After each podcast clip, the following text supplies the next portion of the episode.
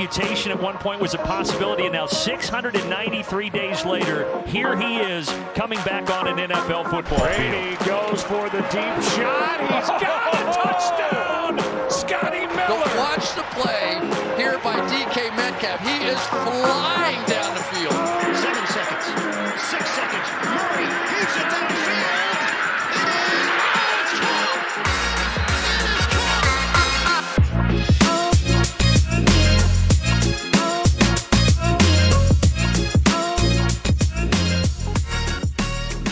allemaal bij een nieuwe aflevering van de Sport Amerika NFL podcast. Ik ben Toon Aert en vandaag word ik virtueel geflankeerd door Lars en Chris. Hallo heren. Goedenavond. Goeiedag. Ja, dinsdag vandaag. We hebben een eh, dagje extra moeten bekomen van het knotsgekke Divisional Round Weekend. Eh, we beginnen dan maar meteen met een eh, luistervraag van Robert Vuik. Ja, jongens, was dit het meest bizarre weekend in de geschiedenis van de NFL? Eh, ja, ik, het, laat ik zo zeggen, de enige manier waarop het nog spectaculairder was geweest als we vier overtime duels hadden gehad. Eh, maar dit, ja, volgens mij kun je niet heel veel meer vragen dan dit. Ook nog eens vier uitteams die uiteindelijk, eh, of drie van de vier die uit hebben gewonnen. Ja, dat, eh, ik denk niet dat we dit heel vaak meer in, eh, in de NFL gaan zien. En weet je, elk, elk weekend is natuurlijk, hè, de Divisional Round Weekend is natuurlijk het meest spectaculaire weekend van de playoffs meestal. En laat ik zo zeggen, het heeft veel goed gemaakt ten opzichte van het weekend ervoor. Ja, absoluut. Ik denk het is echt een bizar weekend. eh, als je ziet, eh, niet alleen omdat het spannend bleef tot het eind, maar ook gewoon de manier waarop. eh, de eerste wedstrijd zagen we een ploeg die won met 9-6. Eh, de tweede wedstrijd wint een ploeg die, maar e- of die geen enkele offensieve touchdown scoort. En de derde wedstrijd win je met vier fumbles. En, en normaal zijn er Ja. allemaal het recept om een wedstrijd te verliezen. Maar in de playoffs kan het blijkbaar. En dan hebben we het nog niet eens over de beste wedstrijd van het weekend gehad. En van het seizoen denk ik ook wel. Dus eh, ja, Ja. het was een fantastisch weekend. Ja, over meerdere seizoenen misschien, eh, maar die gaan we tot het laatst behouden, het beste voor het laatst behouden. Ehm, we zullen eerst beginnen met, eh, met de traditie, eh, heren. eh, het moment van de week of het moment van het weekend. Lars, eh, waar heb jij voor gekozen? Ehm, ja, ik heb voor Gabriel Davis eh, gekozen. Niet per se, ja, de- zijn prestatie verdient op zich ook wel een moment van de week genoemd te worden. Want eh, de- ja, dit was misschien wel de prestatie van de receiver dit jaar. Ehm, maar eh, het hoogtepunt daarvan kwam toch wel in het vierde kwart. Die, eh, die route running van hem, waardoor die verdediger, en ik ben gelukkig voor hem even zijn naam kwijt. Maar ja, gewoon op zijn kont beland, kansloos is en Davis vervolgens helemaal vrij staat. Ja, dat, dat was echt wel de- van een wedstrijd waarin hij sowieso heel erg goed speelde. Ehm, was dat toch wel het hoogtepunt voor mij. En ehm, ja, misschien wel een van de, van de, van de meest eh, disrespectful routes wat dat betreft die ik, eh, die ik in de NFL gezien heb. Ja, het waren trouwens eh, Mike Hughes, van wie de enkels denk ik nog altijd op het veld liggen ergens. Ai, Juist. ja. Dus eh, dat was eh, inderdaad schitterend. Eh, Chris, jij gaat ook naar die wedstrijd hè, voor je moment? Ja, klopt. Maar dan even een iets ander moment. Ehm, we gaan deze wedstrijd denk ik nog uitgebreid bespreken, want er gebeurde echt enorm veel. Ehm, en misschien niet de meest opvallende paas, maar die voor mij wel het meest tekenend voor de wedstrijd was, was eigenlijk de, de paas van Mahomes naar Tyreek Hill. Eh, 19 yards, maar dat was die eerste paas in het vierde kwart eigenlijk. Dat ze 13 seconden op de klok staan. Ik denk dat de wedstrijd gespeeld is. En die ene paas bij mij, ja, je krijgt één keer kreeg het gevoel van hij gaat gewoon, het gaat hem gewoon lukken. Hij gaat het gewoon doen. Hè, er komt gewoon een field goal en dat alles straalde die ene paas van Mahomes uit van hè, we gaan hier niet verliezen. En eh, voor mij was dat wel eh, het moment van het afgelopen weekend. Ja, 13 seconden en, het, en, en hij had zelfs nog een seconde over uiteindelijk ehm, Ja. om eh, die overtime te forceren. Het is eigenlijk ongelooflijk, hè? maar inderdaad, eh, we gaan er straks nog eh, heel uitgebreid op terugkomen. Mijn eh, moment komt uit de wedstrijd eh, daarvoor, eh, Rams tegen Buccaneers. Daar ehm, ging Vol Von Miller ging daar vol in op Tom Brady. Ehm, dat was een eh, duidelijke helmet-to-helmet. Met de kroon van de helm ging hij tegen eh, de helm van Brady. Brady hield daar ook overduidelijk een bebloede lip aan over. Maar wat het eh, grappige of het opvallende was aan dat moment, is dat niet Von Miller bestraft werd, maar wel Tom Brady, want die wou absoluut een roughing the passer zien. Maar in de plaats daarvan kreeg hij een eh, unsportsmanlike conduct eh, op zijn neus. Ehm, ja, en dat vond ik wel heel opvallend. Het, is, eh, het was wel een wedstrijd, als je alles bij elkaar optelt. En laat me heel duidelijk zijn, dat is niet de reden waarom de Bucks hebben verloren, maar het was wel zo'n wedstrijd waarin je kan zeggen... ehm, Tom Brady krijgt niet altijd alle calls met zich mee. Ik vond dat er heel veel calls in de richting van de Rams gingen en tegen de Bucks gingen. Ook een aantal taunting calls weer die absoluut niet hoefden. En deze was daar ja, toch een beetje het exponent van. eh. Ja, jij, jij vond die taunting van Sue, vond je geen taunting? nee, nee, nee. Hm. Ik, ja, jawel, eh, volgens de letter van de wet wellicht wel. Ja, maar, eh, ja. maar ik haat de tauntingregel, dus ik wil Ja, dat die zo snel mogelijk afgeschaft wordt. Ja, nou ja, we weten nu in ieder geval één ding zeker. En dat is dat Tom Brady ook gewoon een mens is. Want blijkbaar kan die ook bloeden. Dus dat is in ieder geval een bevestiging die we nu dan wel hebben. Ja, precies. Ehm, trouwens, taunting, ja, kijk. Als ik, eh, als ik ooit eens een eh, vurig pleidooi van eh, twee uur moet houden waarom die regel uit het spelletje moet, dan, dan doe ik dat graag. Maar ik ga het de luisteraars niet aandoen. Wat we nu gaan doen, is de wedstrijden zelf bespreken. En het begon eigenlijk al met een, met een heel spannende pot op zaterdag, op zaterdagavond, tussen de Bengals en de number one seed, de Titans. En Lars, ja, dat was een heel close game en er werd ook heel wat minder gescoord dan verwacht. Ja, ja nee, dat, eh, weet je, van tevoren hadden we het natuurlijk in beide gevallen over de offenses. Hè. Bij de Bengals eh, natuurlijk vooral over Burrow en Chase. Ehm, en bij de Titans, ja, weet je, Derrick Henry kwam terug. Ehm, dit waren twee teams die normaal gesproken aanvallend beter zijn dan verdedigend. Ehm, maar volgens mij hebben we van tevoren ook besproken dat het voor de, de Titans heel belangrijk was dat, eh, dat ze vooral die offensive line konden verslaan. Nou, dat gebeurde heel erg vaak. Negen sacks in totaal, wat een tie is qua, qua playoffs record. Ehm, ja, ze deden eigenlijk gewoon, de, de Titans defense deed eigenlijk gewoon wat het moest doen, de hele wedstrijd. Eh, Burrow onder druk zetten. En we hadden ook al gezegd van, weet je, ja, als, zelfs dan zal Burrow plays maken. Nou, dat heeft hij gedaan. Hij had in totaal 348 yards. En die ene interception was niet zijn fout. Ehm, dus ja, uite- uiteindelijk heeft Burrow nog steeds gewoon een bizarre wedstrijd gespeeld. Eh, als je nagaat hoeveel hij onder druk staat. Eh, dat hij geen run game heeft, want ook in deze wedstrijd was hij er weer niet. Eh, ik vond ook het, het coachplan van, van Taylor vond ik niet goed. Want er ging de hele wedstrijd gewoon door alsof Burrow 5, 6 seconden in de pocket had, terwijl hij dat niet had. Werd niet op aangepast. Ehm, ja, en eh, de, de, de Titans deden eigenlijk al alles wat ze moesten doen, verdedigend gezien. Alleen eh, aanvallend gezien eh, heeft de quarterback uiteindelijk wel het verschil gemaakt, denk ik. Want eh, ja, Tannehill gooit drie interceptions. Twee daarvan niet per se wat mij betreft zijn fout. Die play van Bates, volgens mij was dat de eerste interception, was volgens mij wel een goede. En ook die, die, in de, die van Hilton, dat was gewoon een goede tipbal. Die Mhm. derde pas was wel echt een fout van hem, die aan het einde, het vierde kwart. En die is natuurlijk uiteindelijk ook wel beslissend, want uiteindelijk daardoor krijgen de Bengals nog een kans om, om die wedstrijd te winnen. En McPherson, ja, dat is al sowieso een van de betere kickers dit jaar als rookie. En die eh, maakte dat in deze wedstrijd weer waar. Ja, Chris, eh, Ryan Tannehill, hij had dan een week extra rust. Hij had ook Derrick Henry terug. Maar hij zakt toch wel een beetje door het ijs, mag ik zeggen. Is dit nu het ultieme bewijs dat eh, Ryan Tannehill nooit echt tot dat hoogste niveau zal doorbreken? Ja, lastig. Kijk, je, houdt wel je vragen bij. Vorig jaar wel één of twee eh, wedstrijden ook in de playoffs. Hè. Laatste jaar dat ze gewoon wel goed doen. Dat hij wel wat wedstrijdjes wint. Ehm, maar ja, goed. Hè. Dit keer zijn ze toch duidelijk de favoriet. En ja, dan gooi je drie intercepties. Misschien niet allemaal zijn schuld. maar het gebeurt wel. Hè. Goed, hè. Derrick Henry is terug. Ehm, maar dit is niet de Derrick Henry die we kennen. Hè, eh, 20 carries. Maar hè, 62 yards. hè, drie- 3,1 per carry. Ja, dat is gewoon niet genoeg.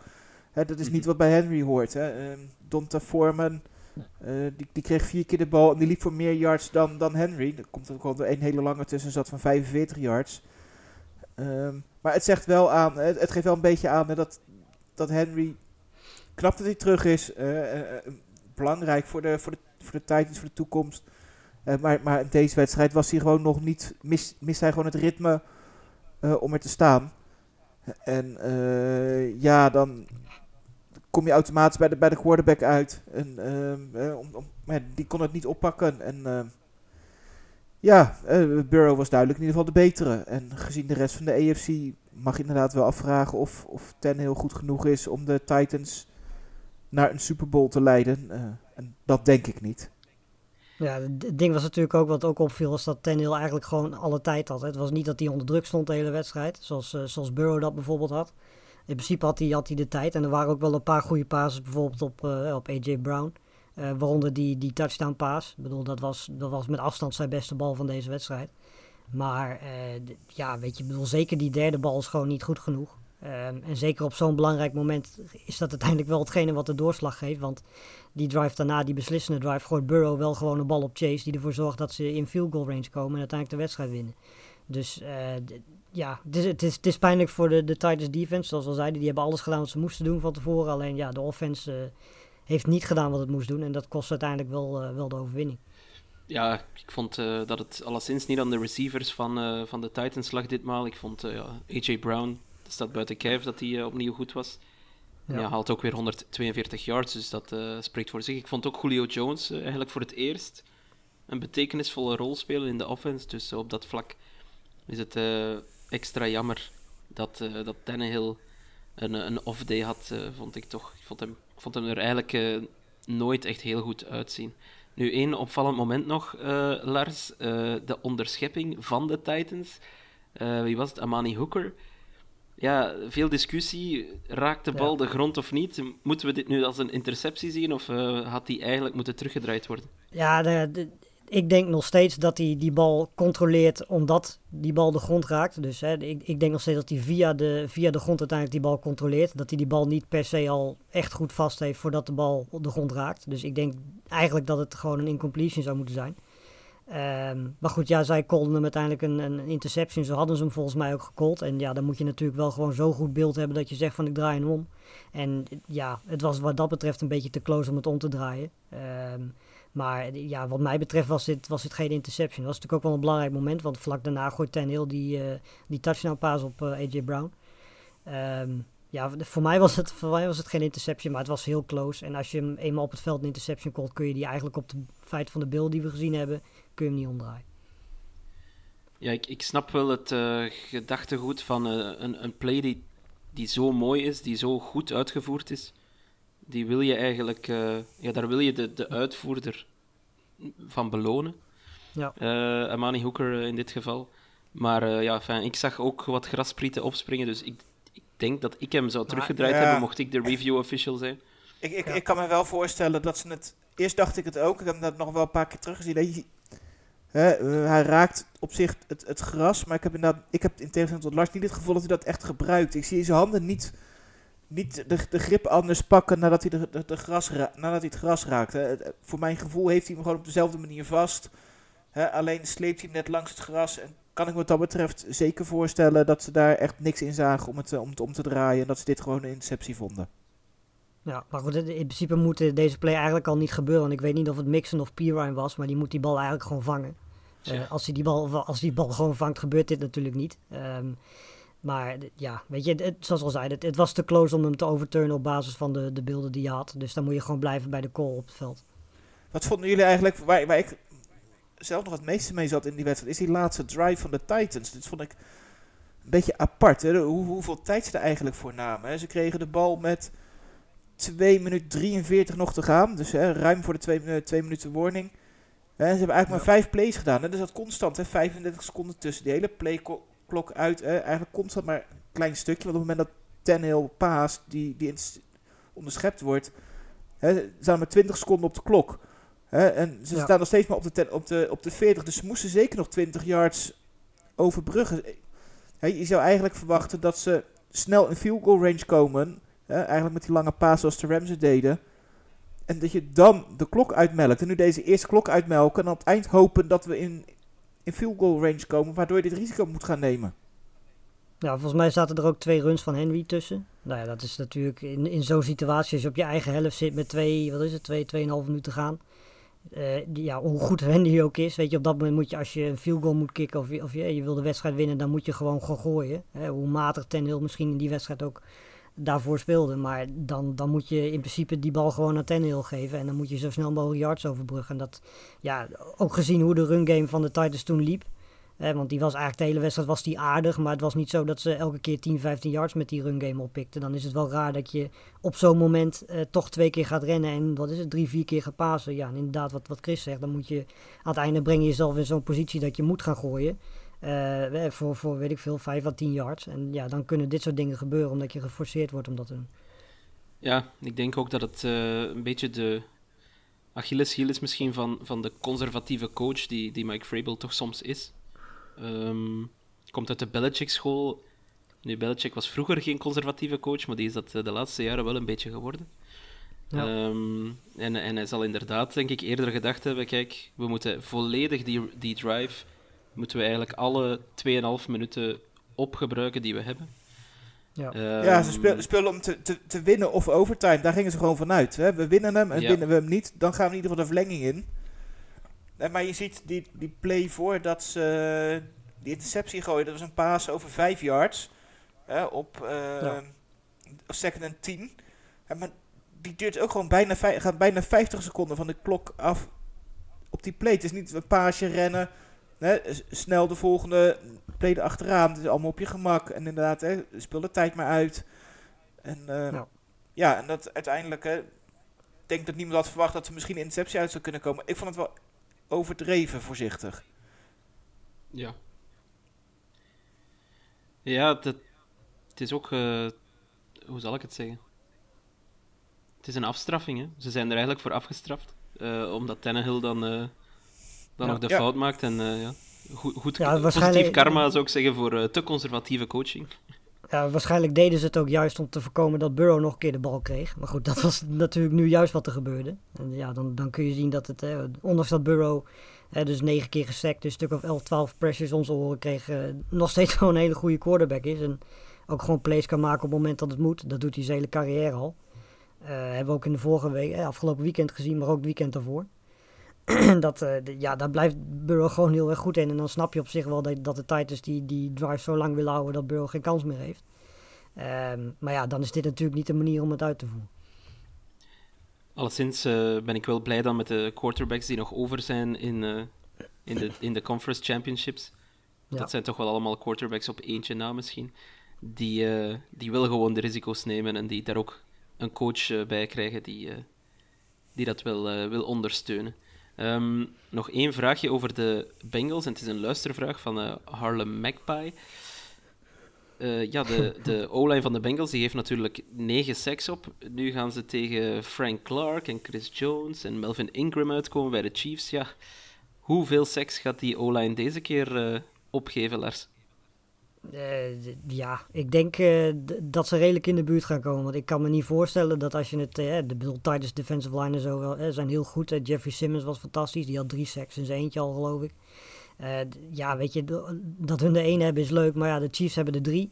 Eh, hebben daarnaast natuurlijk ook hè, die manier van, van het, het vijf, zes mensen bij de line of scrimmage neerzetten. En dan moet de quarterback maar afwachten of er inderdaad zes achter je aankomen. Of dat het er drie of vier worden. Ehm, dus de combinatie van die twee gaat het gewoon voor de Bengals offensive line heel moeilijk maken. En dan eh, ja, ben, ik, ben ik er bang voor. Ehm, en het zal ook nodig zijn dat die offensive line het goed doet. Want eh, ja, in deze wedstrijd moeten ze aanvallend gezien echt wel mee kunnen met de Chiefs als, eh, als ze überhaupt een kans willen.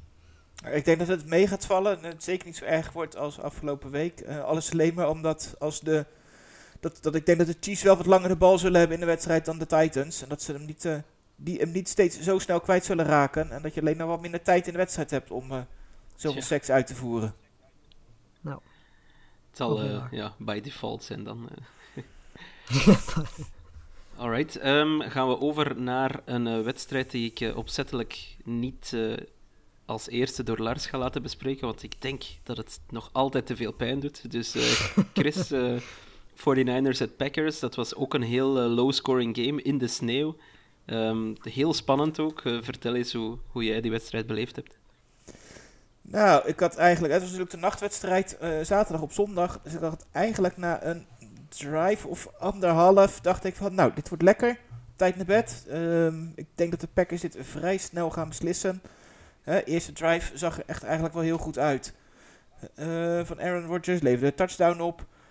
Ehm, daarna een hele snelle three-and-out ehm, van Jimmy Garoppolo, die min 11 yards was. Dat zegt ook wel op welke kant de, de 49ers op dat moment opgingen. En nou, de, de Packers kregen eigenlijk weer de bal en die lopen eigenlijk redelijk makkelijk wel weer ehm, de helft van de 49ers op. En ineens is daar de, de fumble van Mercedes Lewis. En op dat moment ehm kantelt eigenlijk die hele wedstrijd voor mijn gevoel. Hè. Ehm, de aanval van de, van de Packers begint te sputteren. Hè, komen daarna eigenlijk nauwelijks nog maar eh, eh, tot, tot wat resultaten. Het zijn voornamelijk punts. En vlak voor rust nog een, eh, een gemiste field goal, een geblokte field goal. Ehm, waardoor eigenlijk eh, de 49ers in de wedstrijd blijven hangen zonder dat je het gevoel hebt dat ze echt door kunnen bijten. Op het moment maken ze een, een field goal naar rust, komen ze op 7-3. En toen hebben we gezegd van nou, hè, het is nou een three possession game, want ze moeten, of uh, twee, want ze moeten nog minimaal twee, twee field goals maken. Want hè, een, een touchdown van Garoppolo gaat er gewoon niet komen deze wedstrijd. Nou ja, Ja. Dat bleek ook wel. Alleen ja, op het moment staat het eh, 10-3. En ehm, in plaats van de, de, een field goal blokken, eh, blokken de special teams van de 49ers dit keer de, een punt. Op de rand, ja, eigenlijk gewoon in de eigen red zone van de, van de, van de Packers. Waardoor ze dus eigenlijk de bal heel snel op kunnen pakken en de touchdown scoren gelijk maken. nou, op zich denk ik nog steeds, hè, ondanks de hele wedstrijd, hè, die drive ervoor leverde die field goal op. Denk, nou, Aaron Rodgers gaat dit gewoon klaren. Het is nog een paar minuutjes, field goal, winnen en thuis blijven. En de 49ers zijn klaar. Maar goed, hè, de, Packers scoren niet. En op een of andere manier eh, heeft, heeft Garoppolo nog één goede drive in zich, die, die wel een field goal oplevert. En eh, in de slotseconden eh, schieten ze de, de 49ers, schiet Robbie de 49ers naar de Conference Ship Finals. En, dat was voor mij toch wel de grootste verrassing van het, van het weekend. Ja, ik, ik had ze vooraf wel een kans gegeven, de 49ers. Ik denk dat, dat ik ze ook gecalled had. Maar eh, ja, Lars, ik ga toch aan jou vragen. Ehm, ik, ik vond net zoals Chris, ik zag die eerste drive en ik dacht, oh jee, de Packers gaan, gaan ze echt een, een bolwassing geven. Eh, Ze gaan er eh, geen spaan er heel van laten. En je ziet dan eigenlijk dat de offense gradueel ja, eigenlijk slechter en slechter wordt. Of was het de 49ers defense die aanpassingen maakte? Wat, wat gebeurt daar precies? Wa- waarom is die drop-off zo groot? Ehm, ja, dat, nou ja, dat is een goede vraag. Want eh, die eerste drive was inderdaad fantastisch. Maar je kunt eigenlijk op dat moment al wel opschrijven. Omdat die 49ers defense gewoon zo goed is. Dat je daar niet de hele wedstrijd zo makkelijk doorheen loopt. Ehm, maar goed, de tweede drive ging het eigenlijk ook weer prima. eh, tot en met die fumble. En inderdaad, na die fumble werd, het, werd de hele wedstrijd eigenlijk een zooitje. Ehm, het weer werd steeds slechter. Hè. Het begon steeds meer te sneeuwen. Het veld werd minder. Ehm, en, ja, we hadden ook van tevoren al gezegd dat, dat de 49ers zijn qua, qua speelstijl zowel hè, met weer als, als qua tegenstanders van de Packers in het voordeel. Ehm, omdat de Packers gewoon niet zo goed zijn tegen de run. Dat viel in deze wedstrijd nog wel mee, want in principe deden ze dat heel goed. Eh, Packers defense deed sowieso eigenlijk wat het moest doen. Eh, run defense was goed. Eh, heel veel sacks. Die, die offensive line werd vaak verslagen van de 49ers.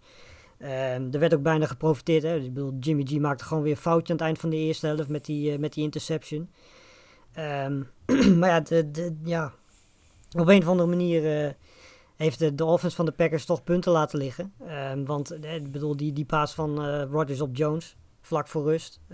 ja, daar had eigenlijk minimaal field goal uit moeten komen. Nou, die wordt geblokt.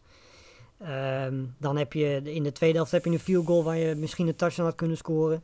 Die fumble. ehm, ja, weet je, wat dat betreft hebben ze laten liggen. En dan wordt het uiteindelijk, en dat is wel heel toepasselijk, eh, beslist door special teams die weer verschrikkelijk was. Want eh, elke punt van, van de Packers leverde zo'n goede return op van de 49ers dat ze eigenlijk al op de 40 of 50 yard line begonnen.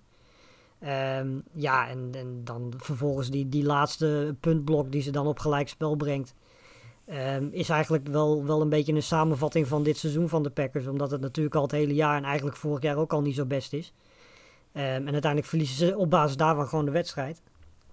En eh, ja, dan is het wel extra pijnlijk nog dat Aaron Rodgers geen eh, drive in de slotfase neer kan zetten, terwijl eh, Jimmy G dat wel kan. Ehm, en ik had ook helemaal niet het idee dat er bij de Packers bij die laatste twee drives echt een idee achter zat. Eh Rodgers was vooral Lazard, of niet Lazard, was vooral Adams aan het zoeken. eh, terwijl er toch ook andere opties waren die vrij stonden. Ehm, ja, er zat gewoon niet zoveel idee achter die laatste twee drives. En dat is jammer. En ja, dat Jimmy G dan vervolgens wel die drive neer weet te zetten, dat, eh, ja, dat is, het, het is pijnlijk. Omdat ja, deze wedstrijd mag je eigenlijk gewoon als Packers zijn en niet verliezen. Zeker omdat je defense alles gedaan heeft wat het kon doen. En ja, op de andere twee plekken hebben de Packers het gewoon verloren. Ja, ik snap het ergens nog wel dat eh, Rodgers eh, vaak naar Adams eh, terug wou keren, want die speelt wel gewoon zijn wedstrijd. Ja. Ehm, ik had ook de indruk dat hij altijd zijn, zijn verdediger klopte. Natuurlijk, ja, die ene diepe bal daar die, die Rodgers mist, dat is, dat is dan wel jammer. Ehm, maar ja, inderdaad, ik denk dat je gelijk hebt. Ik denk dat het vooral de special teams zijn die het hier toch wel helemaal uit handen geven. Ehm Chris, als we even naar de toekomst kijken, Aaron Rodgers, hij zei letterlijk, denk ik, ik wil geen deel uitmaken van een rebuild. Ik heb nu ondertussen ook eh, met LeFleur horen zeggen, ja, maar geen nood, wij gaan niet eh, rebuilden volgend jaar. Ja, gaat, eh, zijn we vertrokken voor een nieuwe Rodgers soap, of gaat hij wel gewoon blijven? Nou ja, had in ieder geval gezegd in ieder geval wat sneller een beslissing zou nemen dan ehm, afgelopen jaar. Dus als het goed is, gaat geen enorme soap worden. Volgens mij hebben ze, las ik ook in een interview, dat ze de Vonte Adams eigenlijk eh, vrij snel vast willen leggen en dat ze die willen houden. Ehm, dus ja, als het je lukt, dan zit er vrij, vrij stevig over de cap. Maar als het goed als dat lukt om dat op te lossen. En we hebben in New Orleans gezien dat er heel veel creatieve manieren zijn om dat op te lossen. En Hè, dat uiteindelijk af te betalen op het moment dat je de toekomst echt aan het rebuilden bent. Dan denk ik, ja, het is uiteindelijk wel gewoon maar... Maar het is voor de Packers niet voor het eerst. Dus het is niet alleen maar één slechte wedstrijd. Maar goed, je hebt gewoon een goed seizoen gedraaid. Hè, niet voor niks natuurlijk al een week van tevoren de, de, de nummer 1 seat binnen. En ja, als je de kans hebt om, om deze ploeg bij elkaar te houden... of het grootste gedeelte bij elkaar te houden ja, dan moet je dat gewoon doen en dan verwacht ik Rodgers ook gewoon terug. Maar goed, als inderdaad te veel spelers weggaan, te- Devontae Adams weggaat, dan kan ik me heel goed voorstellen dat hij een ploeg gaat zoeken waar hij meer kans heeft om nog, in ieder geval nog één ring te halen in de, in de rest van zijn loopbaan. Maar ja, dat, eh, dat zal hem toch wel een beetje bij de GM liggen van wat, wat er mogelijk is in Green Bay. Ja, Lars, eh, wil jij hem als Packers-fan eh, nog terug?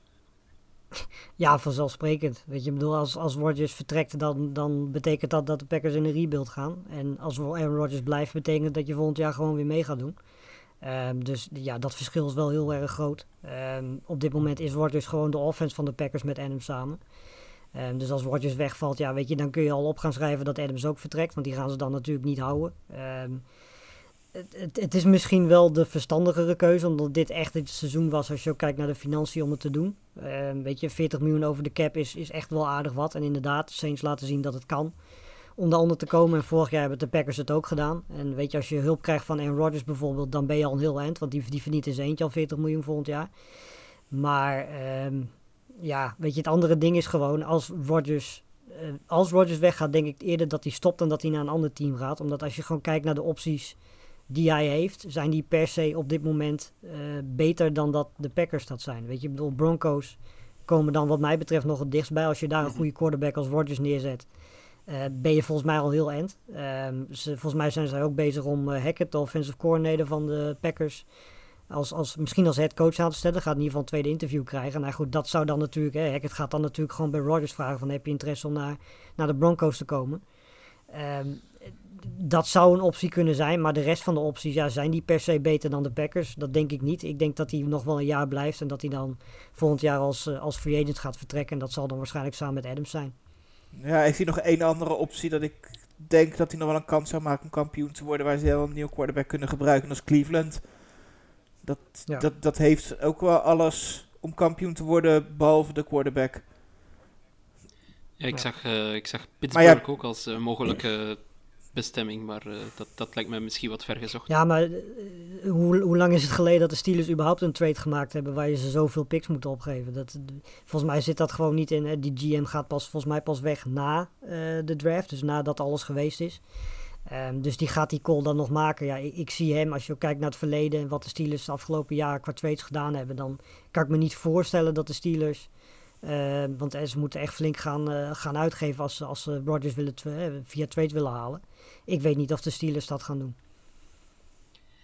Als we dan nog heel even naar de 49ers kijken, ja, die halen nu een, eh, een heel mooie zege op het veld van de Packers. Vorige week op het veld van de Cowboys. Nu mogen ze terug een uitwedstrijd spelen, al kunnen we verwachten dat het in, eh in SoFi Stadium, eh, ja, dat er heel veel rood zal te zien zijn in de tribunes. Ja, valt, valt wel Maar, mee als het goed is, want mensen buiten Ja, LA ja. mogen geen kaartjes kopen voor de wedstrijd.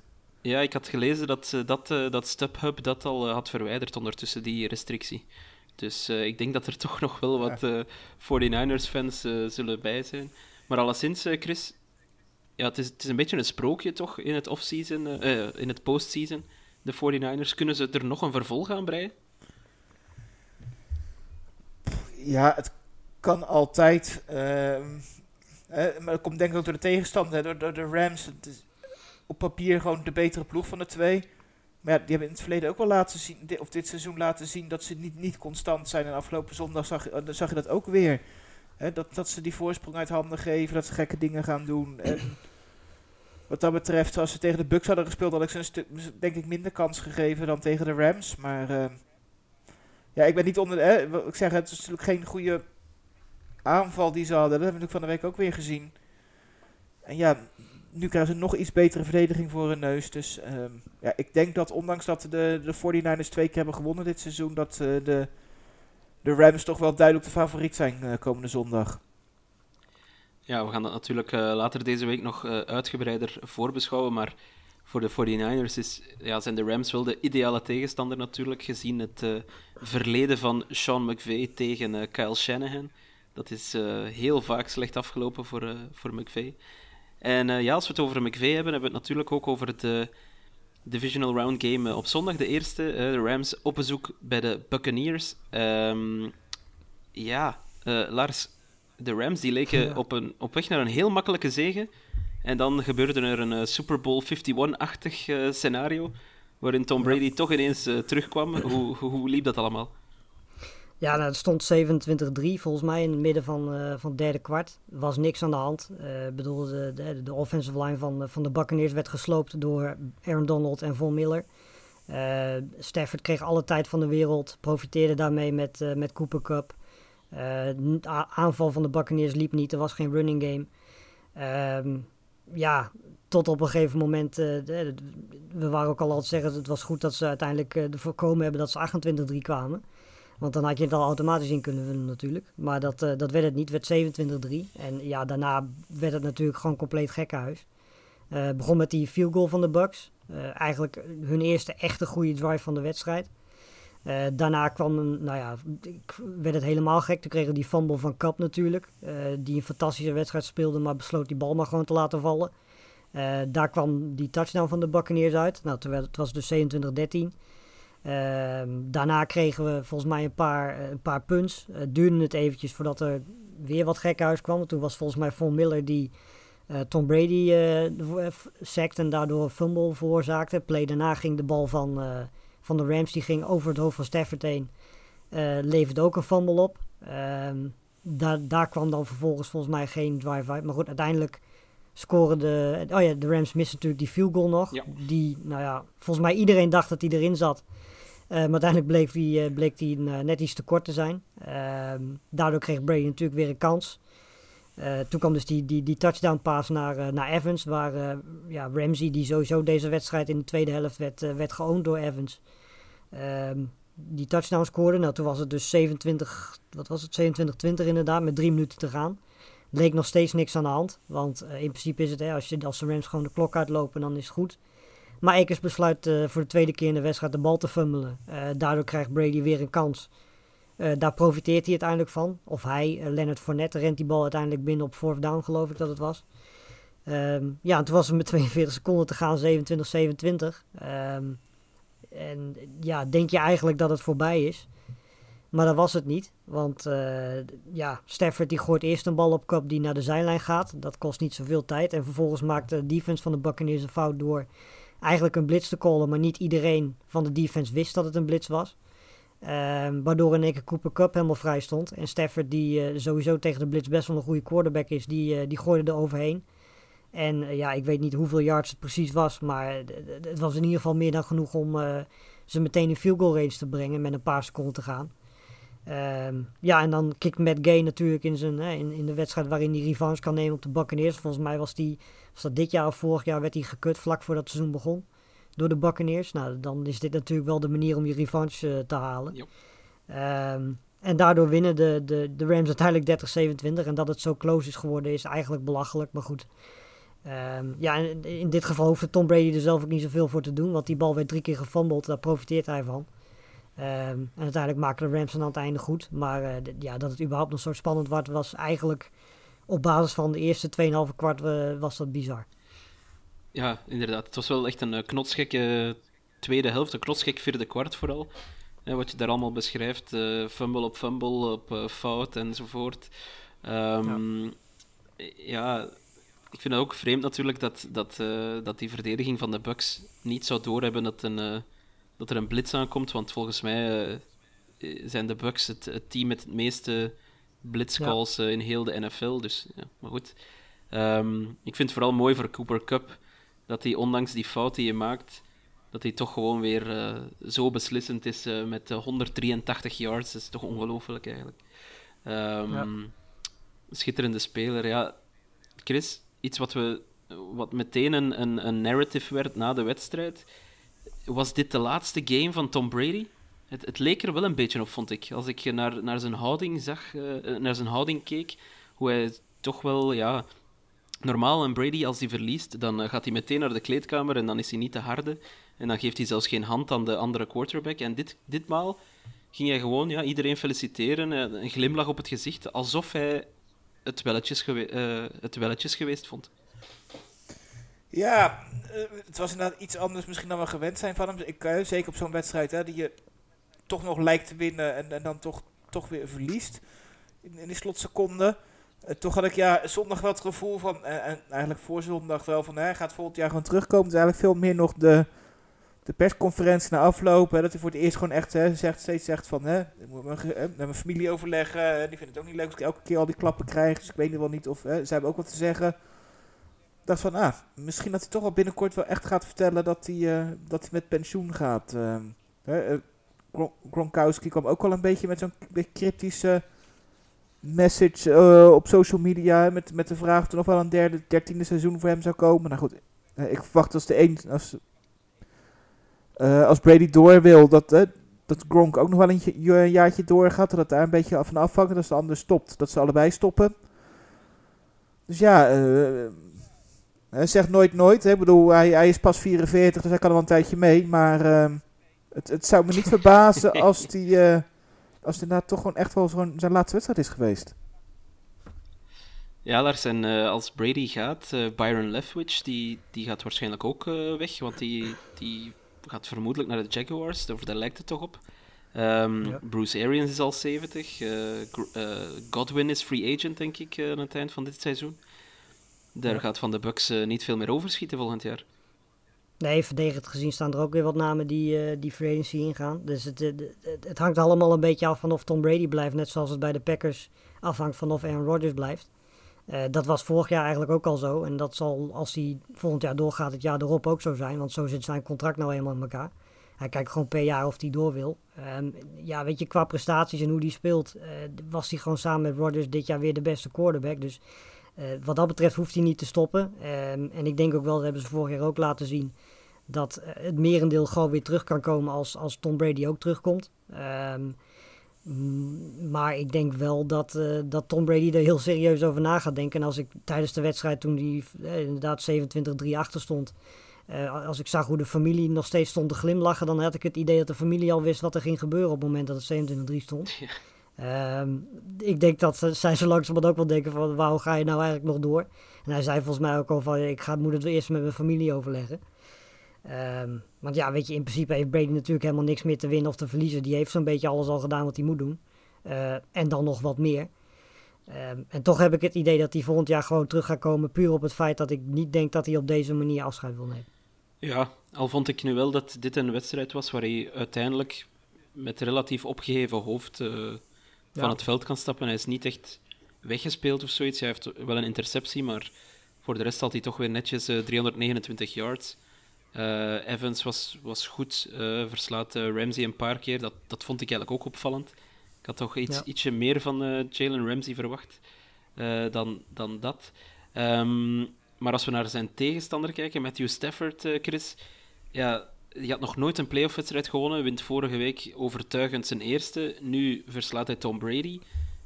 Mogen we, mogen we zeggen dat de, de aankoop van Stafford, of de trade voor Stafford, dan toch de goede keuze was voor de Rams? Nou, dat mag je ondertussen denk ik wel zeggen. Ik was vrij sceptisch, nog steeds wel een beetje. Ehm, hè, ehm, hij was goed, eerste helft. Ehm, een paar beslissende ballen. Eh, tweede helft vond ik hem onzichtbaar. Was, de, de intercepties Of de, sorry, de, de fumbles hè, waren natuurlijk absoluut niet zijn schuld. Maar hij pakt het team ook niet echt bij de hand. Wat we eigenlijk een beetje eerder uh, het laatste reguliere wedstrijd tegen de 49ers ook zagen. De, de drives waren kort, hè, want dat, dat verviel nog het meest op in die wedstrijd. Weet je, we zeggen natuurlijk altijd, hè, Tempa komt terug, maar het is een wonder dat het terugkomt. Ze hadden hem ook gewoon kunnen winnen. Hè, want in die, in die tweede helft, uh, met die enorme comeback vanaf 27-6... He, ze hebben één fumble, twee turnover on down. Ze hebben gewoon drie keer de bal gehad zonder te scoren. He, het is niet van het was ineens touchdown, touchdown, touchdown. Ja. Het is gelijk. Het is gewoon. He, ze hebben zoveel kansen gekregen van de Rams. die voor, na de eerste field goal van de, van de Rams, of nee, van de Bucks, hebben de Rams een, een drive van 17 seconden, van 31 seconden, van 8 seconden. Nou, één goede van bijna 6 minuten, maar dan missen de field goal. En daarna weer eentje van ja. 30 seconden en van 55 seconden. En die laatste was dan 42 seconden. Weet je, de rest is allemaal onder de minuut dat ze de bal kwijt zijn. Het is ook niet dat Stafford daarop staat. Hè, een paar korte paasjes gooit, de klok uitspelen. Dat was of rennen. Um, en, en of, of de basis kwamen niet aan. En um, daardoor staan ze er niet. Dus ja, uh, uh, hij, heeft, ze hebben, hij heeft niet de reden dat het spannend werd. Hij heeft ook niet gedaan dat hij opstond en zegt van dit is de quarterback van de league. En uh, het was wel vooral de, de, de, defensie waar de Rams op, loop, op leunen. Maar goed, dat wisten we natuurlijk ook wel van tevoren. Ja, ik, ik denk als je, als je kijkt, weet je, ik denk dat Stafford een hele belangrijke aanwinst is geweest. Maar ik denk dat nog belangrijker zijn geweest die trades voor uh, Beckham en voor Miller. Ja. Uh, want als je kijkt wat Beckham de laatste paar wedstrijden doet, die heeft, deze wedstrijd was hij dan misschien ietsjes minder. Was vooral de eerste helft heel goed. Uh, maar Von Miller, ja, weet je, die, die heeft al een paar hele belangrijke sacks op, op belangrijke momenten gehad. In deze wedstrijd uh, ja, liet hij de hele offensive line kansloos. Um, ik denk dat dat uh, twee nog belangrijkere aanwinsten zijn geweest tot nu toe dan, dan dat Stafford is geweest. Ondanks dat ik vind dat Stafford in deze wedstrijd, zeker in de eerste helft en natuurlijk in die, die laatste drive, gewoon een prima wedstrijd speelde en gewoon deed wat hij moest doen. Um, maar de, ja, de aanwinst, weet je, Beckham is zeker toen, toen Woods natuurlijk uitviel. Ja, weet je, dan, dan is het heel fijn dat je net voor een Beckham getrade hebt. En Von Miller, ja, die is misschien wel met een van zijn beste pass seizoenen bezig sinds hij bij de Rams is. En dat is uh, op zijn leeftijd, weet je, met zijn ervaring erbij. Um, zijn dat twee hele belangrijke aanwinsten geweest die ervoor gezorgd hebben dat ze nu hier staan. Ja, en dan ja, zeker natuurlijk ook die laatste paas op, op Cup. Kun ik wel zeggen, weet je, het is fout natuurlijk van de, van de Bucks dat ze niet de hele verdediging laten weten wat ze doen. En dat ze maar de helft de ene doet en de andere helft de andere. Maar weet je, op beslissend moment, weet je, die bal die komt wel aan, is goed, hij ziet het. En, ja. eh, en hij brengt zich wat dat betreft gewoon daar in field goal range. Weet je, dat is wel gewoon zijn verdienste, dat hij dat op tijd ziet en dat tijd heeft. Dus het juiste moment deed hij het juiste. Maar ja, uh, van de week weer uh, twee keer verloren van de 49ers. En dan uh, maar eens kijken hoe het nu gaat. Ja, inderdaad. Dat, uh, maar goed, ik vind dat hij zichzelf ondertussen nu wel al uh, een beetje bewezen heeft. En dat de Rams uh, hoe dan ook de juiste keuze hebben gemaakt. Trouwens, inderdaad, Lars, Odell Beckham Jr. in de tweede helft verdween hij een beetje. zoals iedereen ja. bij de Rams op offense, zoals Chris terecht zegt. Maar de eerste helft van Beckham was wel, was wel heel goed. Um, ja, en ik vraag mij af, hij is free agent, dus hij, hij, zou zomaar weer eens een, een groot contract kunnen krijgen ergens. En toch nog één shout-out naar een speler bij de Rams. Die, ja, wat mij betreft, misschien wel de beste speler in, in heel de NFL is, Aaron Donald. Um, ja. ja. wat die weer met die, met die O-line van de, van de Bucks aanving. Het was natuurlijk Josh Wells op right tackle en niet Tristan Wirfs, maar ook de startende left tackle, Donovan Smith. Die, die zag echt sterretjes tegen Aaron Donald. Ja. Die werd constant geklopt, ook tegen double teams. Uh, die man is, is amper verdedigbaar. Het is, het is echt ongelooflijk om te zien. Ja. Ik ben heel, heel benieuwd de, de matchup volgende week tussen Aaron Donald en Trent Williams. Ja, zeker. Ja, weet je, zeker als je ziet wat, wat de Packers konden doen tegen die, tegen die offensive line, dan wordt het wel interessant om te zien of. Hè, want Miller en, en Donald, ja, die hebben de Packers natuurlijk niet. Dus wat dat betreft wordt het interessant wat die twee en ook al Leonard Floyd, die ook goed speelde trouwens. Wat die met z'n drieën daartegen kunnen doen. Als, als de Packers dat voor elkaar kunnen krijgen, zou je zeggen dat hun dat met z'n drieën ook moeten kunnen doen. Ik denk het ook, inderdaad. Goed, dan rest ons nog één wedstrijd, maar dat is niet de minste. de, de zondagnachtwedstrijd tussen de Bills, eh, de Buffalo Bills en de Kansas City Chiefs. We hadden al wel een vermoeden dat dat een eh, leuke wedstrijd zou kunnen worden, maar Chris, ehm, persoonlijk denk ik dat dat eh, een van de beste, zeker in de top drie wedstrijden staat die ik ooit gezien heb. Ehm, ja, hoe, hoe heb jij dat beleefd? Hoe, hoe kijk jij naar die wedstrijd? Was dat de, de, mooiste game ooit? Of overdrijf ik dan? Is dat, is dat recency bias? Ehm, een beetje, denk ik. Eh, alhoewel, het was wel gewoon echt fantastisch natuurlijk. Hè. Twee quarterbacks die tegenover elkaar staan, die echt fantastische dingen deden. Foutloos waren. Hè. Er echt weinig op aan te merken. Eh, high scoring, natuurlijk een einde dat bizar is met, met zoveel plotwisselingen dat je normaal in een, eh, in een film nog niet eens ziet. Dus ehm, ja, kijk, hè, voor mij staat de, natuurlijk nog een, een Super Bowl wedstrijd boven. Ehm, dat heeft misschien wat met mijn persoonlijke voorkeur te maken. Ik maar weet niet over welke Super Bowl je het hebt, eh, Chris. nou, ik denk, ik hou het kort, maar als je niet meer weet welke ik bedoel, dan kan ik wel iets meer over vertellen hoor. Dat, eh. nee, ja, maar dat was natuurlijk ook high scoring, veel offense, gekke dingen. Eh, daar won de, de underdog die wedstrijd van ja, het toch wel superieur geachte Patriots team. Eh, terwijl hier van tevoren denk ik de ploegen iets meer aan elkaar gewaagd zijn. Ik had gezegd dat de Chiefs iets favoriet zouden zijn. Ehm, ook omdat ik Mahomes echt buitenaards goed vind. En, dat, en, en Allen misschien de nummer 2 of 3 quarterback in de league is. Maar hij is geen Patrick Mahomes. Maar ehm, ja, dat het zo'n wedstrijd zou worden, denk ik dat het niemand had aan durven denken. Ehm, het begon eigenlijk, hè, de Bills die gelijk de toon zetten. Allen 71, 71 yards, duurde 13 plays, bijna 7 minuten. En het staat 7-0 voor de Bills. En, en Mahomes, er twee plays minder over. En die brengt ook de, de touchdown binnen. En je denkt van ja, goh, de eerste ploeg die, eh, die de ander weet af te stoppen een keertje. Of die een field goal af weet te dwingen, die gaat de wedstrijd winnen. Nou ja, goed, zo erg werd het dan niet. Eh, maar wel, hè, allebei scoren nog een keertje voor de, voor de rust. Eh, waardoor het gelijk staat. Ook omdat Butker toch misschien wel de één na beste kicker in de, in de league na Justin Tucker. op het eind nog een field goal mist. Ehm, wat wel echt een gemiste kans was trouwens, denk ik, voor de, voor de Chiefs daar. Om daar wat meer te doen. Eh, zeker omdat ze de bal daarna ook nog kregen. Ehm nou, komen dan, maken ze wel de field goal.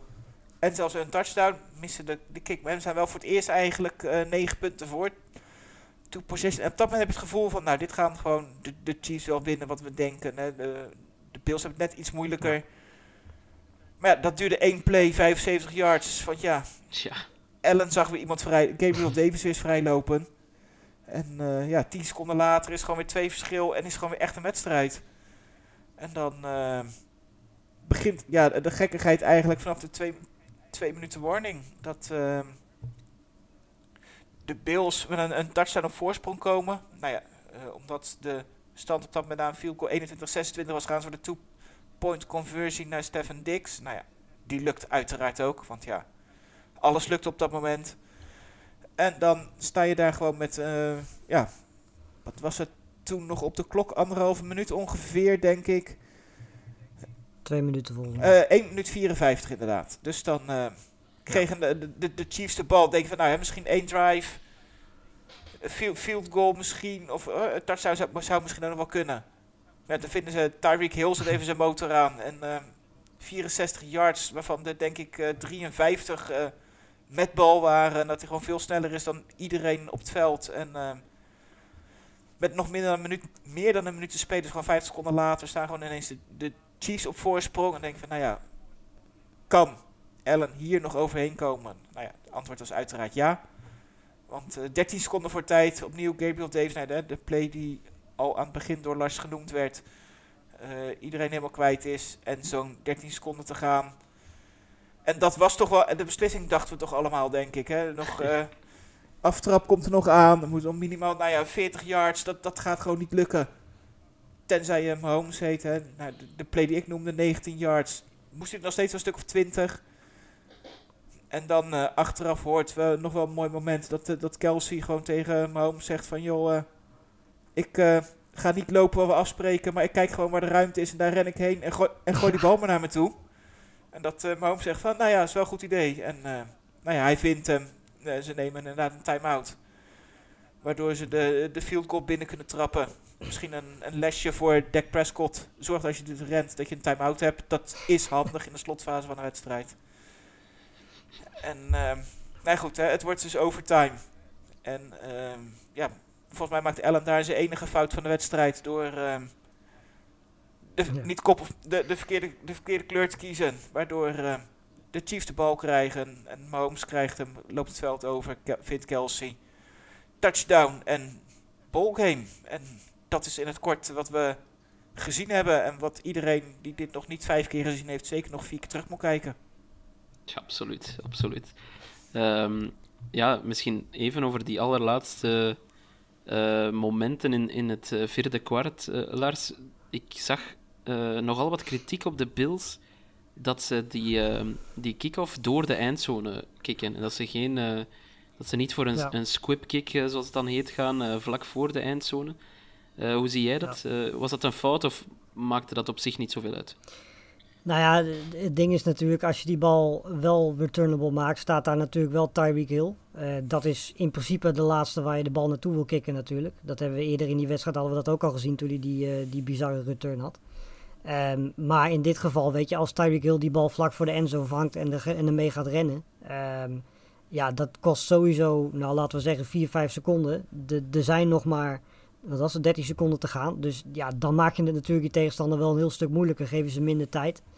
Ehm, dat had een tactiek kunnen zijn, maar waar ik me eigenlijk meer aan stoorde was, het, was de, de, de manier waarop er verdedigd werd. Want ehm, we zagen het bij 49ers Cowboys ook. 49ers gingen natuurlijk eh, die, die, de, de zijkanten verdedigen en al in het midden was het was helemaal ruimte. Eh, omdat natuurlijk, hè, als je in zo'n situatie zit, dan wil je eigenlijk het liefst naar, naar de zijlijnen gooien om tijd te besparen.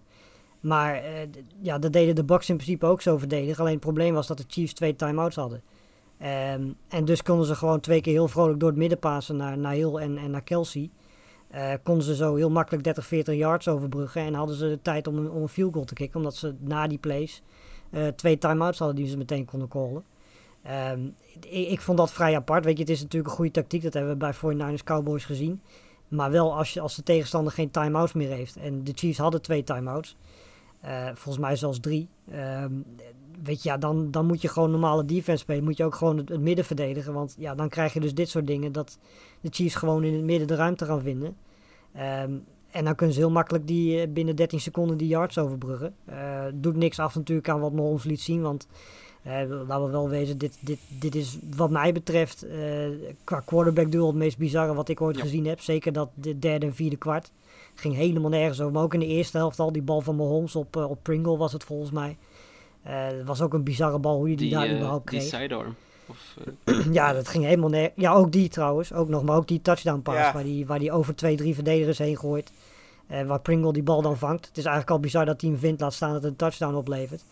Eh, het was het, de hele wedstrijd lang gewoon van een ongekend hoog niveau. En het, het mooie is dat we deze twee, omdat de, de, de organisatie die erachter zitten gewoon heel erg goed zijn, gaan dit gewoon twee quarterbacks zijn die we de komende jaren daar ook nog gaan zien. Tel daar Joe Burrow bij, tel daar Justin Herbert bij. En je zit in de AFC voorlopig best wel aardig qua quarterbacks, denk ik. Ehm, maar de, de manier waarop ze zeg maar, die laatste 30 seconden verdedigden bij de Bills. eh, en sowieso die hele verdediging in het vierde kwart van de Bills was niet best. Ehm, maar goed, ja, weet je, het heeft uiteindelijk wel spektakel opgeleverd. En natuurlijk ook weer veel gedoe over, eh, over de overtime regels. Ja, nou, natuurlijk. We hebben in totaal eh, net geen 1000 yards aan offense eh, gezien. Dus ik ben hier even aan het kijken. 422 in het totaal voor de Bills. 552 voor Kansas City. Dus dan komen we, wat is het? dat is 974. Komen enkele yards tekort, zeg maar, voor 1000. Dus ik denk dat de defenses op zich al sowieso niet hun, hun allerbeste dag hadden. Maar inderdaad, de overtime, we hadden er ook een eh, vraag over gekregen van eh, Rutger eh, Steenbergen. Ja. Wat vinden jullie van het sudden death principe in de verlengingen? Ehm, Chris, zijn we daar bestolen van eh, nog, nog tien extra dolle minuten? Of, of hoe zie jij dat? Ja, het voelt natuurlijk wel heel oneerlijk dat ehm, de Bills nu hè, geen kans krijgen. Het is ook geen uitzondering. Het is niet iets unieks dat gebeurt of zo. Of dat inderdaad een keer een ploeg een slechte verdediging heeft. Want dat is hè, natuurlijk eigenlijk altijd het tegenargument is natuurlijk. Hè, je verdedigen hoort ook bij voetbal. Dus als je wil winnen, dan moet je maar zorgen dat je een goede verdediging hebt. Ehm, alleen eh, volgens mij de afgelopen 12 jaar ongeveer eh, hebben we nu 11 keer een verlenging gehad in de playoffs. Ehm, waarbij 10 keer de ploeg heeft gewonnen ehm, die de TOS won. En maar één keer alleen de Saints een keer die wonnen de TOS niet. Eh, en in 7 van de 11 gevallen was het zelfs zo dat de eerste beste drive gelijk een, ehm, een touchdown opleverde. En dat dus de, de quarterback van de tegenstander de bal in de verlenging niet één keer heeft aangeraakt. En dat geeft toch wel aan dat deze regel op deze manier dat het niet eerlijk is en dat dat veranderd moet worden. Op in ieder geval dat de, de Bills de kans hadden gekregen op een gelijkmaker. Ja, eens. Ik bedoel, we hebben natuurlijk al twee keer eerder gezien in het eh, recente verleden. Patriots eh, Chiefs, waar deze wedstrijd overigens heel erg aan deed Ja. denken. Eh, daar zagen we natuurlijk ook dat Tom Brady de bal kreeg en eigenlijk die niet afgaf, top, touchdown scoorde. En we kregen Mahomes toen de MVP niet te zien. In de Super Bowl natuurlijk, Patriots tegen de, tegen, de Falcons, wedstrijd waar de Falcons niet aan herinnerd willen worden. Was ook in overtime, kreeg ook Tom Brady de bal. en Matt Ryan kreeg geen kans omdat Tom Brady dat meteen afmaakte. Het is gewoon niet eerlijk dat je eh, één team wel de kans geeft om een aanval op te zetten, touchdown te scoren. En dat in dit geval dan een, een, Allen na zo'n wedstrijd niet de kans krijgt in overtime die Mahomes wel krijgt. En dat je eigenlijk een coin laat beslissen eh, wie de wedstrijd wint. Want eh, iedereen wist, degene die de coin toss ging winnen, die ging ook de wedstrijd winnen. Want zo ging die wedstrijd op dat moment. Er was no way dat een van die twee defenses deze offenses tegen ging houden op dat moment. Ehm, ik zag ook veel mensen zeggen van ja, we moeten naar de college overtime regels. Laten we dat alsjeblieft niet doen. Want eh, dat is weer de compleet andere kant van het verhaal. Dan ga je op de 25 yard line beginnen. Eh, dan krijg je eerst volgens mij twee of drie, ik weet het niet eens uit mijn hoofd, twee of drie overtimes waar je dus gewoon moet proberen te scoren. En als dat dan gelijk blijft, gaan we vanaf vier overtime ga je naar two-point conversions. Nou ja, dat is volgens mij echt het laatste wat je moet willen. Ehm, volgens mij is het meest eerlijk en het is, weet je, het is altijd lastig, want het is nooit op een eerlijke manier. Datzelfde geldt voor penalties bij voetbal bijvoorbeeld. Eh, het is niet de manier waarop je het wil beslissen, maar het moet op een of andere manier beslist worden. En volgens mij is het de meest eerlijke manier dat beide teams in ieder geval één kans krijgen om, om op het veld te staan met hun offense en defense. Ehm, en ja, in dit geval zijn we inderdaad gewoon bestolen van een wedstrijd die misschien nog wel even een tijdje langer door was gegaan en nog speculair had kunnen worden in overtime. Ja, ik, al snap ik ook wel het andere argument ehm, dat zegt van ja, goed, eh, je moet ook defense kunnen spelen om een wedstrijd te winnen. Ehm, en Ja. als je naar alle overtimes kijkt, ook in het reguliere seizoen, dan, dan, is het, dan wordt dat ineens wel veel gebalanceerder. Is het denk ik 50-50 eh, of het, eh, of het team dat Nou, de coin toss wint, dan geen- ook de overtime wint. Volgens mij geen 50-50 hoor. Volgens mij 3, 54 procent. Scheelt niet enorm veel. Het is wel een stuk minder. Verrassend trouwens. Hè? Want ik had in het begin van dit seizoen viel het me namelijk ook op. Want we hebben dit seizoen ook best wel wat verlengingen gehad. Dat ik ook bij zit te houden. Hè? Volgens mij de eerste 9 of 10 wedstrijden eindigde ook allemaal in overwinning voor de ploeg die de coin toss won. Dan kon je ook echt daarna wel een streep doorheen zetten wie hem eh, zou winnen. Ik denk dat het eindigde met de Lions en de Steelers. Want ja, als het eh, aan hun had gelegen, waren die nog steeds bezig met eh, het scoren van een field goal.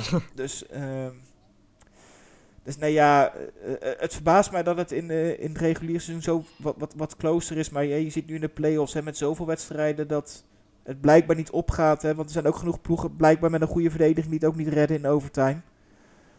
Dus nou ja, ik, ik verwacht nu toch wel een, een verandering richting volgend seizoen.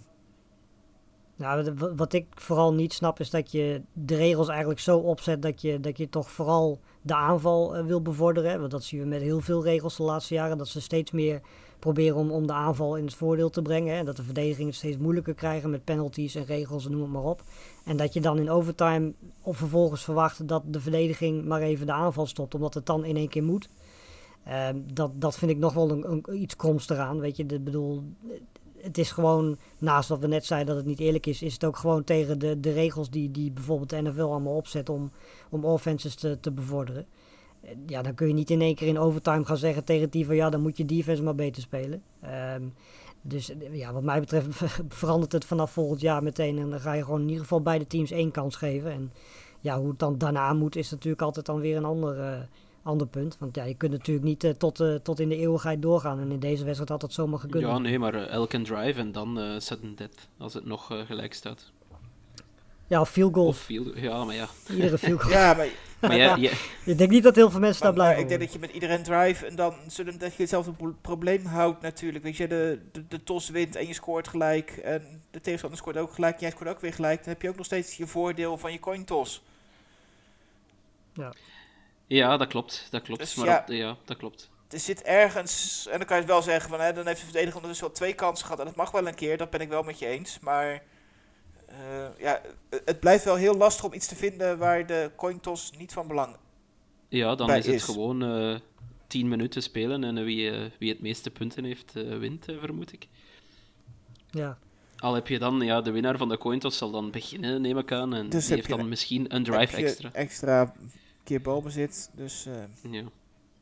Ja, het is natuurlijk een probleem wat je bijvoorbeeld bij basketbal en bij voetbal niet hebt. Omdat, ja, weet je, bij voetbal trapt iedereen in, in nou, verlenging een, een helft af. En eh, bij de NBA tip je die bal gewoon. Eh, ja, zo makkelijk is het in de NFL gewoon niet. Dus ik weet niet of daar een manier is eh, om te zeggen van, eh, om te bepalen zonder coin toss, zeg maar, wie er begint. Dat, dat, dat is een beetje het, het, het lastige. nee, ik zag volgens mij in college, maar daar, ik volgde iets minder. Maar las ik toevallig van de week dat daar door deze regels eh, juist in het voordeel bent als je de coin toss niet wint. Hè, want daar heb je sowieso allebei een drive vanaf de 25 en dan moet je beter doen dan de ander. En dan als je dan als tweede bent, weet je dat als de een een, een field goal heeft getrapt of het is niet gelukt, weet je dat je wat makkelijker weet wat je moet doen.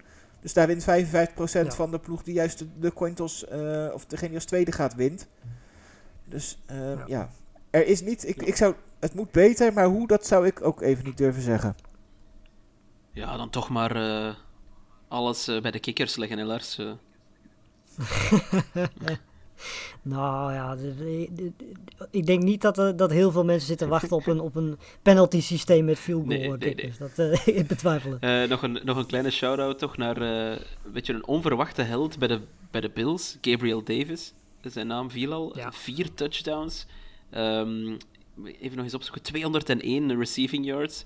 Is dit eh, de grote breakthrough van Gabriel Davis? Of eh, was het een, een, eh, een one-trick pony? We hebben het dit jaar al wel een paar keer gezien dat hij, dat hij wat beter speelde dan het jaar daarvoor. Werd al iets meer betrokken bij, bij de offense van, van de Bills. Maar dit, ja, weet je, ik denk dat heel weinig mensen deze naam hadden opgeschreven. Als je van tevoren zegt wie gaat de 200 yards receiving pakken, dan ga je denk ik eerder een Dix, die trouwens helemaal onzichtbaar was in deze wedstrijd, eh, kiezen. Of, eh, ja, precies. Weet je, misschien kies je zelfs Sanders er nog wel boven hem. Eh, maar Davis had je dan denk ik niet opgeschreven. Qua talent zit het er allemaal wel in. Alleen ja, dat het dan op zo'n belangrijk moment in zo'n wedstrijd eruit komt. dat is natuurlijk ook vooral mooi voor Davis. Maar waar het ook aan lag was natuurlijk de blessure van Matthew. eh, was volgens mij de eerste helft was dat. Bij de Chiefs. Eigenlijk sinds Matthew in die secondary uitviel. Ja, was er niet zo heel veel meer over van die secondary van de Chiefs. En kregen ze, kregen ze diepe bal naar diepe bal oren.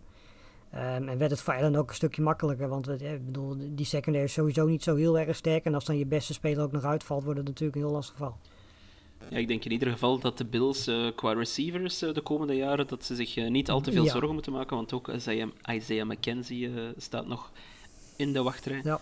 Ehm, dan gaan we nog even naar de Chiefs eh, kijken en met name hun coaching, Chris. Ehm, er was nog een vraag van Yuri. Ja, Andy Reid heeft nu al twee keer in zijn carrière, eh, vier keer op een rij, een eh, Conference Championship gehaald. Eh, nu met de Chiefs uiteraard, maar daarvoor ook nog met de Eagles, met jouw Eagles. Ehm, ja, wat is het geheim van Andy Reid? Hoe doet hij het? Ja, dat vind ik wel een lastige, want er is natuurlijk ook wel heel veel kritiek geweest steeds op Andy Reid. Eigenlijk een beetje tot hij de Super Bowl bij de Chiefs won. Maar goed, hè, wat je gewoon merkt, waar, hij eigenlijk om geroemd wordt, is toch een beetje hè, zijn creatieve playcalling. Ik denk dat hij iemand is die heel goed in staat is om een, een, een groep te binden en een, geheel van te maken. Eh, en de juiste mensen aanstellen. En goed, in deze serie van nu vier keer op rij de, de, de championship game halen.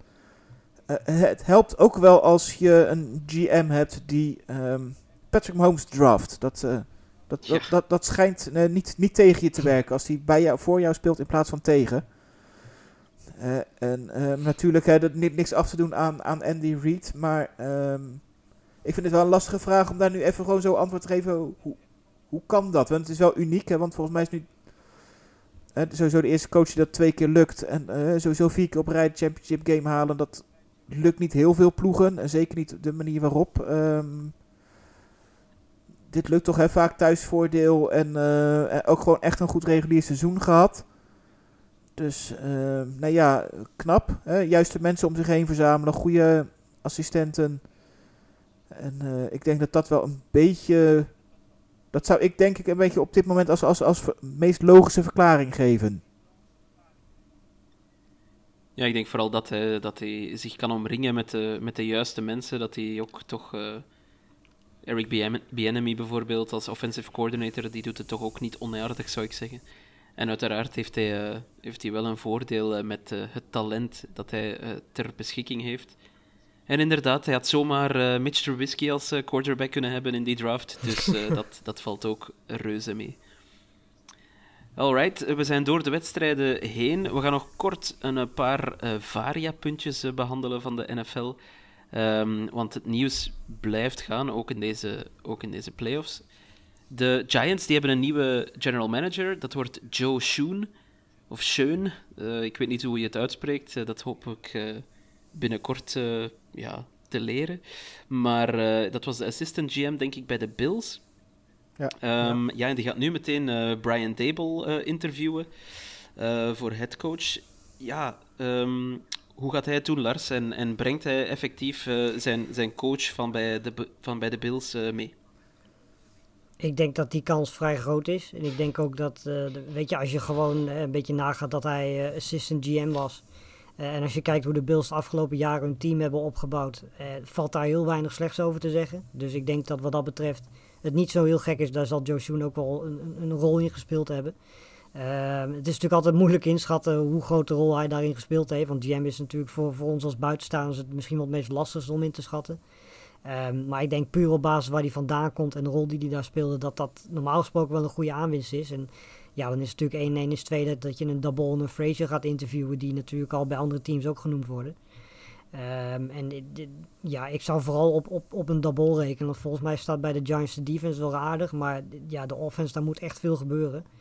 Ehm, en ik denk dat een Double daar wel iets aan zou kunnen, kunnen doen met, eh, met Joe Schoen sa- samen. Als je ziet wat, ze, wat voor offense ze daar gebouwd hebben in, eh, in Buffalo de afgelopen jaren. Ehm, maar goed, het probleem is en blijft natuurlijk dat je nog steeds zit met, met Daniel Jones. Dat je nog steeds zit met een Barkley die niet fit kan blijven. Eh, met receivers die of niet fit kunnen blijven of niet goed genoeg zijn. Dus er moet eh, een offensive line die niet zo best is. Dus er moet echt, eigenlijk moet alles daar anders. En eh, ja, wat dat betreft hebben Joe Schoen en, en de Bol dan wel meteen een, een hele grote uitdaging. Ja, en dat gaat niet, eh, wellicht niet in één offseason lukken, hè, al die, nee, al die werven. Ja, de Panthers, Chris, die hebben een nieuwe offensive coordinator, Ben McAdoo. Die komt over van de Cowboys. Die was daar officieel consultant, wat dat dan ook mag betekenen. Ehm, is natuurlijk al eens headcoach geweest, ook bij de Giants. Hield het daar slechts één seizoen vol, eh, of twee seizoenen. Maar ehm, ja, de Panthers eh, moesten een eh, rockstar offensive coordinator aantrekken. Maar ja, ik heb al eens gepolst bij Ton en die, die vindt het rockster geha- gehalte van Ben McAdoo behoorlijk laag. Wat, wat vind jij? Nou ja, ik, dat snap ik niet. Hij was de quarterback coach bij de Jacksonville Jaguars twee jaar geleden. Het jaar dat eh Gardner Minshew daar de, de sterren van de hemel speelde en ze een wedstrijd wonnen. Dus, ehm nee ja, eh, eh, het is die niet. Hè. Het is denk ik eh, op zich goed eh, voor een coach. Weet je, hij heeft hoofdcoachervaring, eh, dat, dat kan misschien helpen. Eh, maar ja, goed, ook maar twee seizoenen volgehouden. Ik denk dat het gewoon heel erg aangeeft dat op dit moment het heel lastig is voor een club als Carolina Panthers om iemand te vinden. eh, met, met kwaliteit, iemand die daar nu in wil stappen. Hè. Het is toch een beetje een, een ploeg die, die, die, die stilstaat. Eh, Sam Darnold, is dat nou de quarterback waar je je aan wil verbinden? Zeker als iemand. Twijfel, twijfelachtig. Nee, ja. Als je natuurlijk denkt van hè, de, als je ambitieus bent en je wil van via de, deze functie een hoofdcoach worden, ja, dan moet je wel wat laten zien. En dan zit je bij de Panthers. Hè, nou hoe lang gaat Matt Rule het volhouden? Hè? Waarschijnlijk een jaar, want het ziet er niet goed uit. En de kans, hij zat dit jaar al een beetje op de wip. Nou, gaat het niet goed, eh, gaat hij eruit? Nou, een grote kans natuurlijk dat je dan als, als assistent meegaat, dat je eruit ges- geschopt wordt. Dus ja, het, afbraakrisico in, in Carolina is gewoon veel te groot voor een, een, grote naam. En ik denk dat iedereen terecht even met een hele grote boog eh, om, de, om de ploeg heen is gelopen. Ja, het enige wat wel in zijn voordeel spreekt is dat hij toen de offensive coordinator van de Giants was toen Eli Manning daar zat. Dat, volgens mij was die, was die offense toen wel redelijk goed. Dus dat, dat is, maar goed, ja, dat is ook alweer een eeuwigheid geleden. In de tussentijd is hij natuurlijk headcoach geweest en daar quarterback eh, coach. Dat heeft hij allemaal niet zo best ingevuld. Dus het, eh, ja, misschien is hij wel iemand die als offensive coordinator op zijn best is. Alleen ja, weet je, het is heel simpel. Als, als de Panthers geen McCaffrey hebben, dan, dan is er van de Panthers niet zo heel veel over. Ehm, dan kun je nog zo'n goede co- zijn. Maar ja, ook daar, net zoals bij de Giants, is gewoon heel veel werk aan de winkel. Zeker als een McCaffrey niet fit kan blijven. Ik eh, krijg hier trouwens net eh, breaking news door, jongens. Ehm, ik moet eens kijken of het eh, waarachtig is, maar eh, de headcoach van de Saints, eh, Sean Payton, zou met pensioen gaan. Zo? Oh, Ehm, ja, dat ja. krijg ik hier net door. Ja, van Nick Underhill. Enfin, ik krijg het niet van Nick Underhill rechtstreeks door. Onze collega Jimmy die het doorstuurt. eh, maar dat is een Saints Ja. beat reporter, dus dat zal wel kloppen. Eh, ja, Sean Payton, dat is wel een grote verrassing, eh, moet ik Cool. zeggen. ja. ja, dat is zeker een grote verrassing. Ik bedoel, eh, sowieso, de vraag is nu natuurlijk ook meteen wie daar dan eh, nu aan gaat beginnen bij de scene. Want die zit natuurlijk financieel elk jaar een beetje in de problemen. Maar ja, er zit wel Ehm, meer kwaliteit ja, dan dit- bij de meeste andere ploegen. Ja. Ja. Nee, dat klopt. Zeker als, als ze gewoon fit zijn. Het is natuurlijk wel een team waar je nog steeds heel veel talent in huis hebt. Dus ze zullen ook wel gewoon... eh zullen ook echt wel mensen interesse Ja, hebben. Maar ja, dit is... eh, dit... eh, ja. Nou, misschien... Hoe lang zit hij daar al? Hij zit er al heel lang Ja, volgens mij. maar hij zal het echt niet meer zien zitten om nog eh, een jaar extra met James Winston eh, dingen te proberen. je kan toch Ja. wel Tay- Taysom Hill, je hebt Taysom Hill.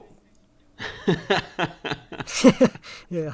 Ik bedoel, er Ja. zijn al twee posities ingevuld. Je hebt en een quarterback en je hebt gewoon een tight end. Ja. Ja, wauw. Ehm, ja, verrassend nieuws. Eh, leuk dat we dit eh, voor de verandering eens eh, in de podcast zelf nog kunnen, kunnen meepikken. ja, precies. Ja, ik had ook nog opgeschreven dat Ron Torbert vandaag is gekozen als referee voor de Super Bowl. Ik weet niet of we daar voor de rest heel blij of heel triest om moeten zijn, maar de referees deze postseason hebben nog niet echt de sterren van de hemel gefloten, zou ik zeggen. Laat ons hopen dat hij vooral zeer onopvallend blijft tijdens de Super Bowl. Ehm, goed, we kunnen nog eindigen misschien met één vraagje eh, van Bob. Eh, volgende week uiteraard Bengals Chiefs, eh, belangrijke wedstrijd, AFC Conference Championship. Ehm, dat wordt wel op de middag al gespeeld, die wedstrijd. En is dat nu voordeliger voor de Bengals dan dat ze s'avonds in Arrowhead moeten spelen? Ja, ik denk dat hij de temperatuur dan voornamelijk bedoelt, denk ik. Ja, in principe qua, qua speelstijl, daar hebben we het met de, met de Packers ook al over gehad, zou het in hun voordeel zijn als het inderdaad warmer is. Want dan kun je makkelijker de bal gooien, makkelijker vangen, noem het allemaal maar op. Dat werkt beter. En we hebben ook gezien dat de, de run game van de Bengals tot nu toe in de postseason nog niet zo heel erg succesvol is. Ehm, maar de- ja, weet je, ik bedoel, aan de andere kant, de Chiefs die spelen elke wedstrijd in dit stadion en die, die gooien elke wedstrijd voor 300, 400 yards. Eh, daarnaast heb je Burrow. Ehm, ja, ik weet niet of het per se iets, iets uit gaat maken, behalve dan dat het eh, ja, qua sfeer s'avonds natuurlijk voor, voor mensen die natuurlijk neutrale kijkers zijn misschien iets mooier is om naar te kijken. Maar verder denk ik dat het niet extreem veel zal, eh, verschil zal maken. Ik denk ook dat het daar eh, hoe dan ook een, echt een, een luide, helse heksenketel wordt. of het nou op de middag is of Ja. s s'avonds. Goed. Eh, we zijn weer ruim over het uur gegaan, dus ik stel voor dat we, dat we het hierbij laten. Hè, met, het, eh, met het bombshell nieuws dat eh, Sean Payton weggaat bij de Saints. En dan rest er mij enkel nog jullie te bedanken, heren. We gaan later in de week ongetwijfeld nog ehm, de Conference Championships previewen in een podcast. En voor de rest hou zeker ook onze website in het oog, sportamerika.nl. En eh, voilà, dan bedank ik jullie, eh, Chris en Lars, nogmaals. En eh, zie en hoor ik jullie de volgende keer. Yes. Yes.